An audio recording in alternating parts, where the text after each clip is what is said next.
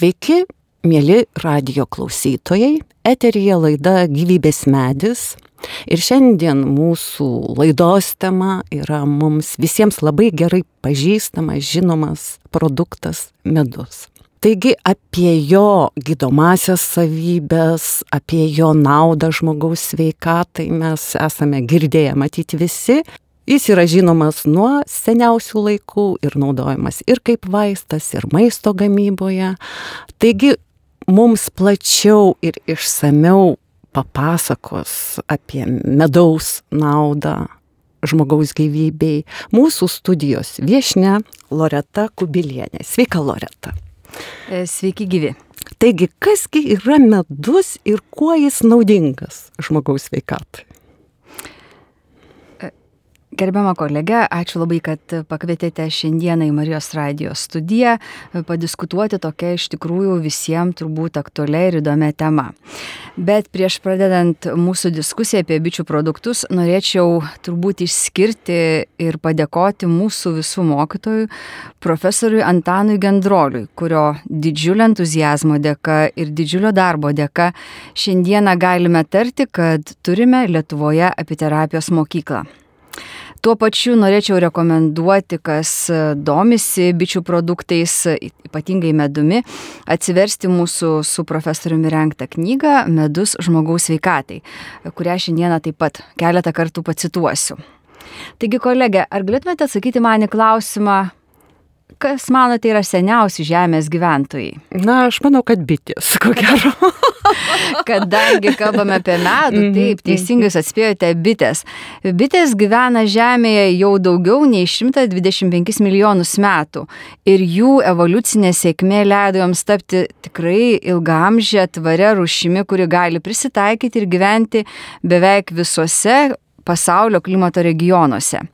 Ir e, didžiąją dalimi šią sėkmę lemia patys bičių produktai, kuriuos ir sukuria bitės. Tai yra medus, bičių vaškas, nuodai, žiedadulkės, bičių pienelis ir svarbiausias jų cheminis ginklas nuo mikroorganizmų tai yra bičių pikis arba propolis.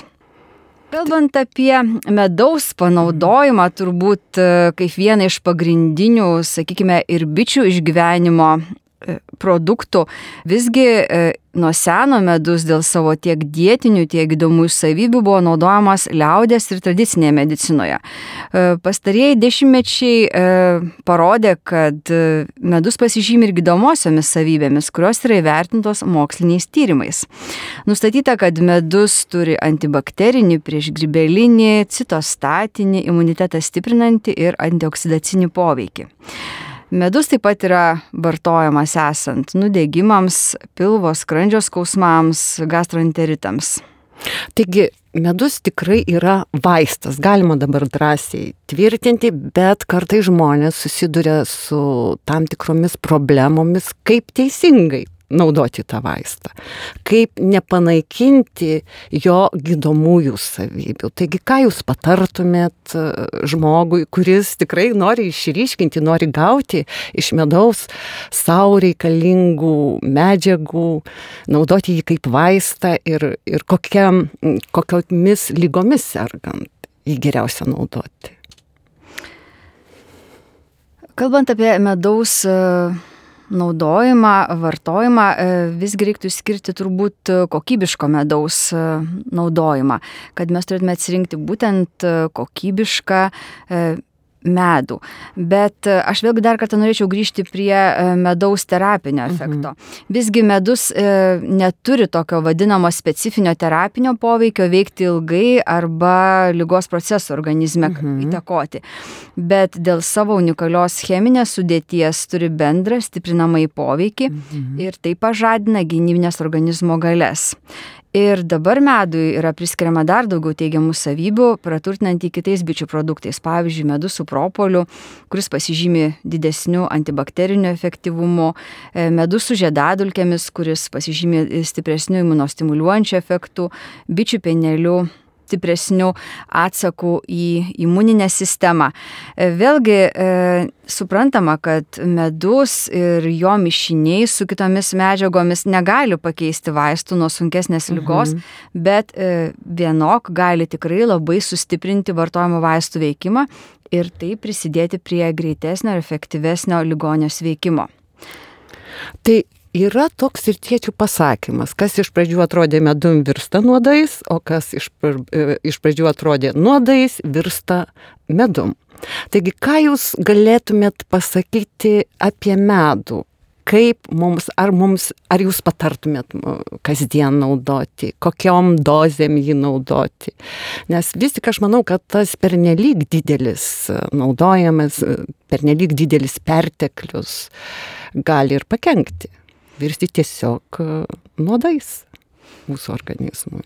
Bet turbūt nėra geresnio pasakymo, kad saikas yra dievų matas. Taip. Tai visame kame mes turime laikyti saikingumo. Mhm. Ir ypatingai, jeigu pacientas serga cukriniu diabetu, jeigu serga kita metabolinė lyga, e, vėlgi reikėtų riboti angliavandenių vartojimą. Mhm. Žinoma, tai yra tikrai labai medus yra labai galingas ir stiprus angliavandenis. Jo sudėtyje esanti gliukozė ir fruktozė iš tikrųjų duoda didžiulę energetinį užtaisą. Ir turbūt um, tom terapiniam dozėm naudoti medų, mes galime vardinti per dieną sveikam žmogui pakaktų vieno, dviejų valgomų iš aukštelių. Tuo tarpu sportininkai, sportuojantys žmonės, mhm. turintys didelį fizinį aktyvumą, gali suvalgyti po du valgomuosius šaukštus.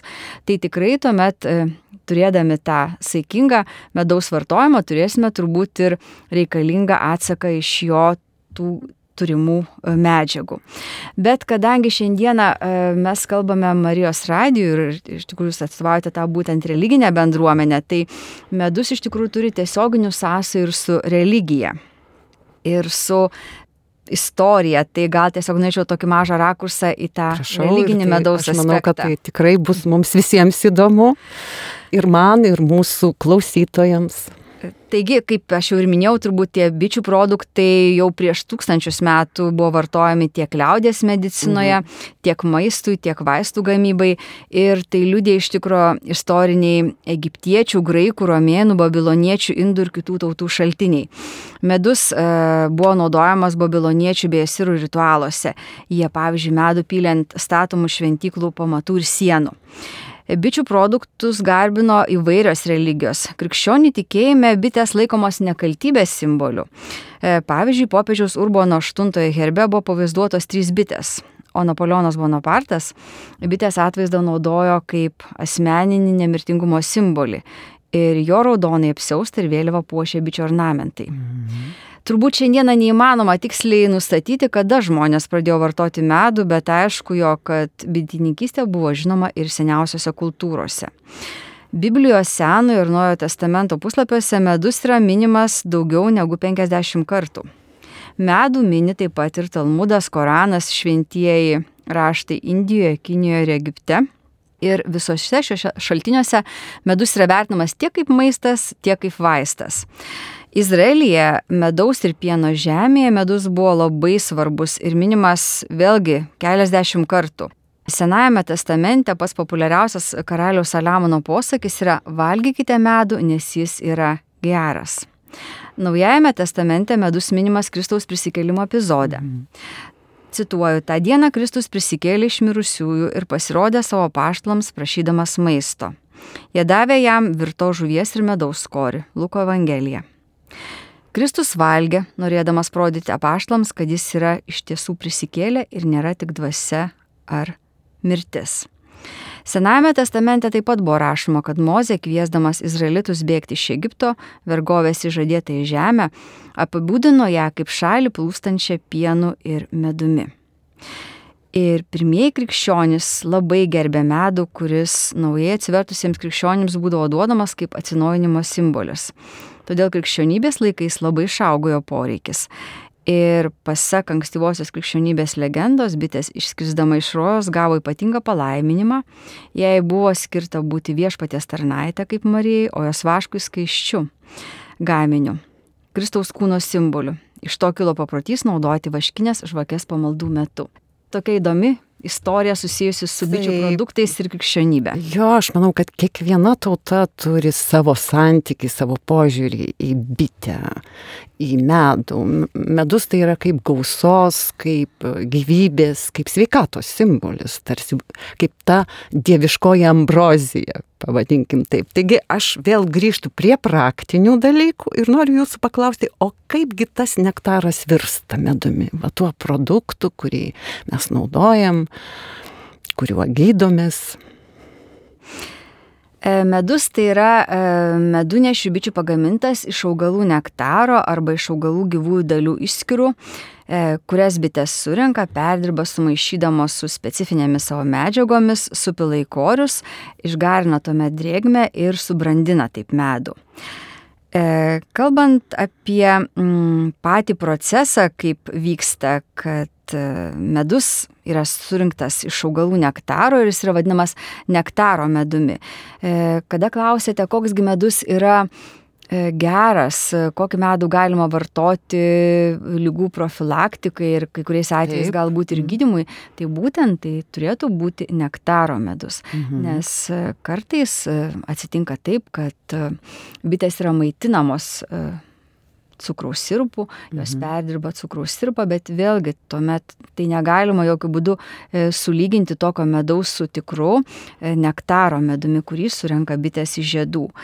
Nes nektaras tai yra skystas augalų liaukų sekretas ir dažniausiai jį sudaro cukrus, mineralinės medžiagos, organinės rūgštis, azoto junginiai ir vitaminai. Tuo tarpu cukraus tirpale mes šių medžiagų tikrai negalime rasti. Mhm. Ir nektarą bitės perleisdamas per savo visą e, organizmo sistemą paverčia medumi. Ir įsivaizduokite, kad surinkti 100 gramų medaus bitė turi aplankyti apie 1 milijoną žiedų ir nuskristi apie 450 tūkstančių kilometrų. Įsivaizduokite, koks yra brangus jo, jo. kiekvienai biteliai jos surinktas medus, o jie, jos dalyjasi su mumis visa žmonija savo sukurtų produktų. Jo, čia mes galim mokytis pasirodo iš bičių ir man atrodo, kol mes būsim šioj žemėje, niekada neužmirškim to, kas šalia mūsų ir nepaniekinkim, ko esam mokomi ir ką mums tai duoda. Taigi ir kokios yra medaus savybės, va šitos sunešto nektaro, nekalbant, ar kuris, kuris tikrai yra tikras medus, bet kokios jo yra savybės.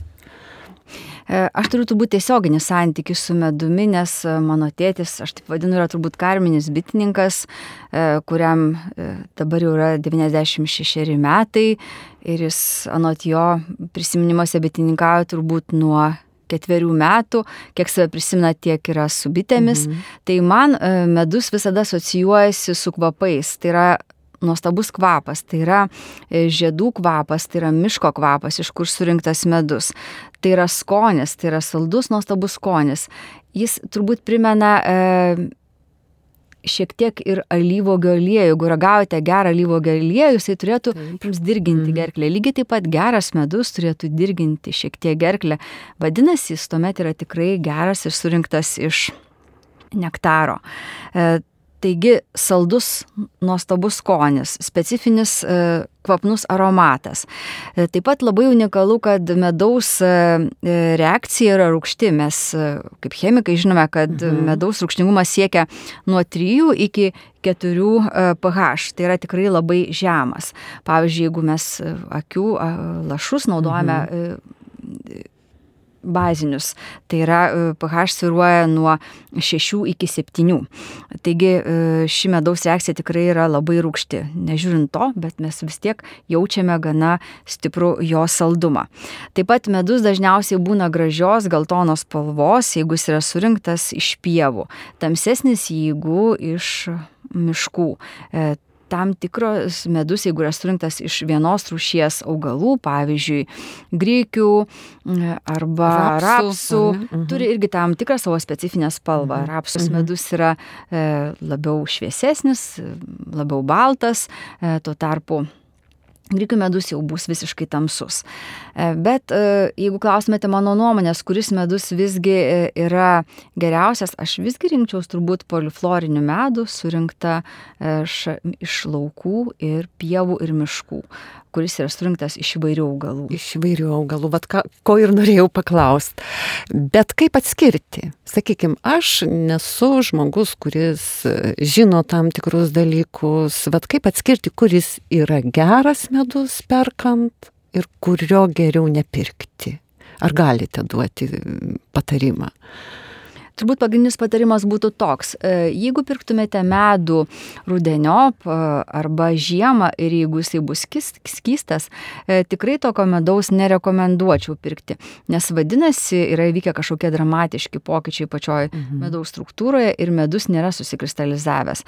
Nes medus išimtas iš avilio po 4-8 savaičių pradeda kristalizuotis. Tai yra natūralus procesas, kuris vyksta natūraliai garinant e, medų į drėgmę ir e, virstant e, gliukozė, fruktozė ir sacharozė vykstant tam tikriems procesams. Taip pat reikėtų atkreipti dėmesį į taip vadinamą gėlių raštą meduje. Jeigu medaus stiklainėje matote gražų baltą raštą, tokias kaip snaiges, mhm. tai vėlgi tai bus geras medus, nes tai yra būtent gliukozės kristalai, kurie vėlgi garuojant medų išpildo tą likusi tūrį ir pasiskleidžia tam tikrai žiedais. Tai medus lik dar kartą pražįsta, bet jau tik kita forma. Tai toks žydintis medus yra taip pat tinkamas.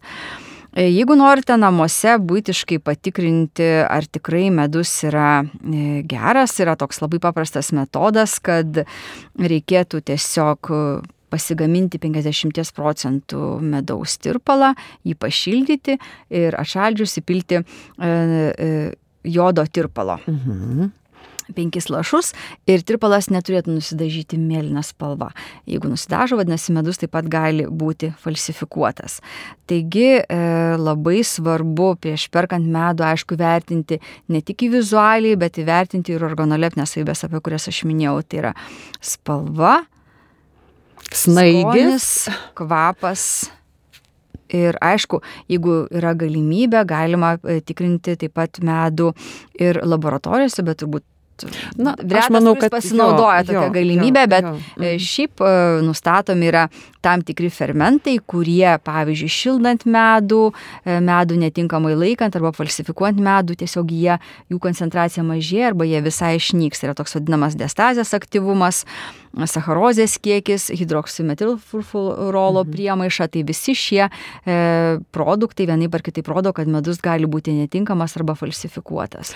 Ir dar ką norėjau pasakyti, mhm. vėlgi labai svarbu vartojant medų, e, nedėti jo į karštą vandenį, nes yra įrodyta, kad iki 40, turbūt 50 laipsnių yra ta e, dramatiškai e,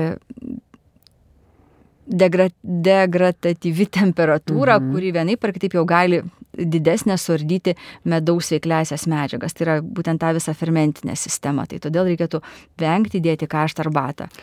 Tai geriausia, geriausia tada užgerti. Užgerti, ar ne? Nes aš tikrai žinau žmonių, kurie vartoja su arbata, su kava. Vienu žodžiu, jūs nepatartumėte to daryti, nes tai produktas, kuris pavirsta nuodais mūsų organizmui. Gal nepavirsta nuodais, taip iki galo. Bet ryškės veikliųjų mm -hmm. medžiagų, kurios mums vienaip ar kitaip duoda tą teigiamą terapinį mm -hmm. efektą. Taip, ir kodėl, pavyzdžiui, namie laikomas medus kartais suskistėja?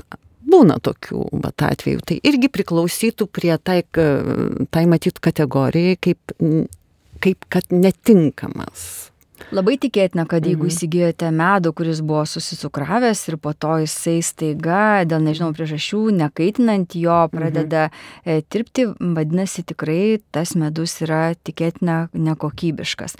Visgi mes turėtume žinoti, kad medus išimtas iš avilio po 4-8 savaičių turi pradėti natūraliai kristalizuotis ir toks išlikti. Tai yra natūralus, natūralus procesas. Taip. Ir neturėtų būti kitaip.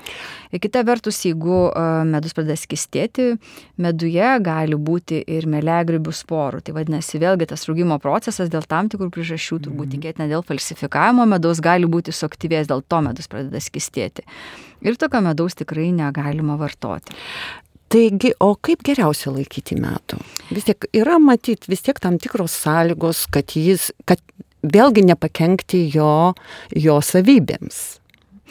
Tai medų rekomenduojama išsuktą supilstyti turbūt geriausia į e, stiklo tarą, tamsaus stiklo tarą, jeigu turite laikyti e, tamsioje, vėsesnėje vietoje, e, iki maždaug rekomenduojama apie 10 laipsnių temperatūroje. Tai mhm. turbūt yra tokia idealiausia temperatūra medaus laikymui ilgalaikiam, kai atsinešate, aišku, vėlgi namus į virtuvę, tai turbūt tokius sąlygus sunku išlaikyti, tai, mhm, bet manau, kad greitai, jeigu kokybiškas medus, jūs jį išlaižysite iš tos stiklainės stiklainio.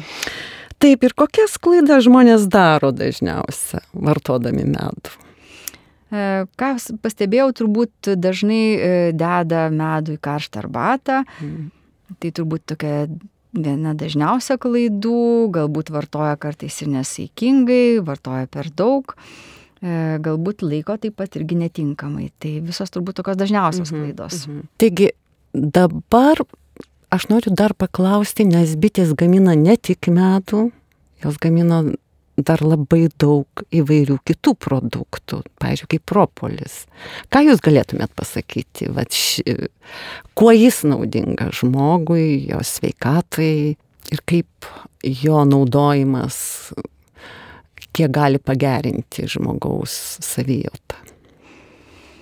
Propolis turbūt vėlgi yra tikrai e, unikalus e, bičių sukurtas produktas.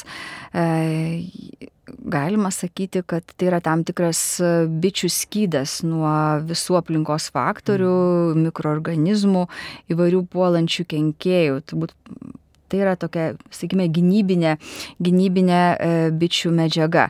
E, propolis pats cheminė prasme iš tikrųjų yra labai unikalus, yra labai įdomus. Tai yra kompleksas e, dervingų medžiagų pagamintas bičių iš augalų eksudato, bičių vaško ir bičių sekreto. Dažniausiai tai yra lipni, žalsvai rudos spalvos, aromatingo kvapo medžiaga. Ir e, per pastaruosius turbūt e, dešimtmečius propolis tapo tikrai tokių labai intensyvių e, ir svarbių farmakologinių ir cheminių tyrimų objektų. Ir svarbu, kad pasakyti, kad pastarį dešimtmetį paradigma dėl propolio sudėties iš tikrųjų radikaliai yra pasikeitusi. Pavyzdžiui, jeigu iki 1960 metų buvo manoma, kad propolis yra sudėtinė sudėtinga cheminė medžiaga, tačiau esti daugiau ar mažiau pastovios cheminės sudėties, pavyzdžiui, kaip yra bičių vaškas ar bičių nuodai, kurių sudėtis nevarijuoja taip, kaip, sakykime, pavyzdžiui, medaus arba propolio. E, tuo tarpu vėlesniais metais daugelio mėginių skirtingų geografinio regiono analizė leido atskleisti, kad propolio cheminė sudėtis yra labai įvairi. Ir dabar daugybė tyrimų patvirtina, kad skirtingi propolio mėginiai gali būti visiškai skirtingi tiek cheminiu, tiek biologiniu aktyvumu. O kodėl? E, todėl, kad propolis yra surinkamas iš skirtingų augalų, mm skirtingose regionuose, skirtingose klimatinėse sąlygose ir todėl jo ta cheminė sudėtis labai varijuoja. Netgi tai priklauso nuo ir turbūt bičių šeimos stiprumo. Kuo stipresnė šeima, tuo jinai gali toliau nuskristi, tuo daugiau atsinešti įvairesnio augalų e, propolio ir jisai dar bus turbūt savo e, fitocheminė sudėtimi dar įdomesnis ir turės dar daugiau junginių nei kiti. Man teko pačiai tyrinėti irgi mm, propolį, lietuvišką propolį iš skirtingų regionų ir iš tikrųjų skirtumai yra gana dideli, netgi tarp vertinant, pavyzdžiui, Žemaitijos ar aš suvalkios regioną. Ir pavyzdžiui, kuo? Cheminė sudėtimi, cheminė sudėtimi, junginiais, kuriuos galima nustatyti. Ir sakykime, tada peršasi išvada, kad jeigu aš gyvenu tam tikroje vietoje, man geriausia ir naudoti tą medų, tuos produktus, ar ne taip? Nes lyg ir tai jau aš kaip irgi lygiai taip pat esu tas gyventojas tos aplinkos ir man, mane ta aplinka ir man suteikia to, ko man labiausiai reikia. Turbūt mes turime tam tikrą genetinį paveldimumą, mm -hmm. ar ne, jeigu mūsų tėvai vartoja mūsų šalies medų arba propolį, turbūt mes genetiškai esame paveldę tam tikrą, sakykime, efektyvumą šių, šių preparatų. Bet visgi, e, jeigu vertintume pavyzdžiui, propolio sudėti, tai mhm. vėlgi jinai labiausiai turbūt priklauso nuo geografinio regiono, botaninės kilmės ir rinkimo sezono. Tai mes turbūt galėtume pasirinkti turbūt patį geriausią propolių, kuris yra surinktas Lietuvoje. Kur, sakykime, arba kurio man labiausiai reikia, vat, ko, kur atskleidžia tam tikras tas stipresias pusės kažkokio produkto. Aš sakyčiau, kad labiau cheminė sudėtis mm -hmm. reikėtų. Mm -hmm. Pavyzdžiui, turbūt rinktis tą propolį, kuris turi daugiausia. Iš kur sužinoti? tai e, turbūt sužinoti to e, šiaip būtiškai paprastai neįmanoma. Dažniausiai mokslininkai atlieka e, fitocheminius tyrimus, analizuoja propolį ir, pavyzdžiui, jau gali pasakyti, kuris, kurio regiono propolis arba kurio bitininko propolis yra pats geriausias. Bet tai nereiškia, kad kitais metais jis bus vėlgi pats geriausias, nes gali skirtis sezonas, gali skirtis vėlgi galbūt mm, tų pačių augalų, vegetacijos laikotarpis ir panašiai ir panašiai yra įvairių sąlygų, bet visuomet prieš e, pavyzdžiui, rinkdamiesi kažkokį mhm. preparatą ar, ar, ar vaistą, visada mes jau turime žinoti jo efektyvumą. Tai čia lygiai turbūt taip pat koreliuoja. O kalbant apie propolio sudėtį, e, tai jisai turbūt yra tokia dervinga medžiaga, turinti vaško, eterinį aliejų, žiedadulkių ir organinių junginių. Bet e, aš kaip ir juokauju, turbūt mes gautume tam tikrą jeigu būtų chemijos e, Nobelio premija, jeigu kažkas iki galo išanalizuotų propolio sudėtį. Mm. Kas jinai turbūt dar vis analizuojama, mm. vertinama ir tai kaip ir sakiau, priklauso nuo daug, daug. Faktorių. O su medum, ko gero, irgi tas pats. Ar, pavyzdžiui, yra naujų kažkokių pastebėjimų ir kokie yra tie naujausi pastebėjimai? Medus galbūt yra e, taip pat labiau pastovesnė struktūra nei propolis. E, mhm. Vėlgi labiau e, priklauso kokiam regione rinktas, bet jisai turi tokią, sakime, labiau nuspėjamą sudėtį. Gali, aišku, varijuoti sudėtis nuo iki, bet, bet tokių didelių skirtumų kaip esti propolija mes nenustatome propolis šiaip yra tokia tikrai unikali medžiaga. Ir juo labiau, kad jis turbūt e, pasižymi ir tam tikromis unikaliomis savybėmis. Tai yra prieš mikrobinių, prieš uždegiminių, anestezuojančių, antioksidacinių, prieš vėžinių, e, kraujagyslės ir, kepen, ir kepinės apsaugančių poveikių, prieš grybelinių, prieš virusinių poveikių. Ir įdomu, kad pastarųjų metų tyrimai susijęs su COVID-19 e, mhm. e, ir SARS pandemijos atveju, vėlgi propolis buvo vėl naujai atskleistas toje šviesoje, kad irgi turi tam tikrą, sakykime, poveikį į tam tikrus mm, šio viruso potipius.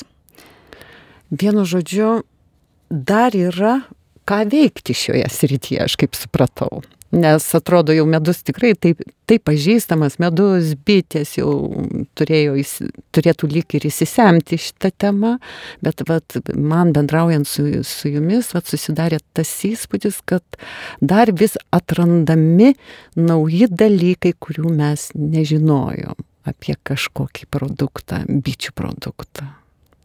Taip? Taip. Gerai, taigi mūsų laidos laikas eina į pabaigą. Aš dėkoju Jums už tokį įdomų, išsamų pašnekėsi ir aš su Jumis atsisveikinu, mėly radio klausytojai, sakau Jums sudie ir prie mikrofono buvau aš, Aušra Keliuotyti.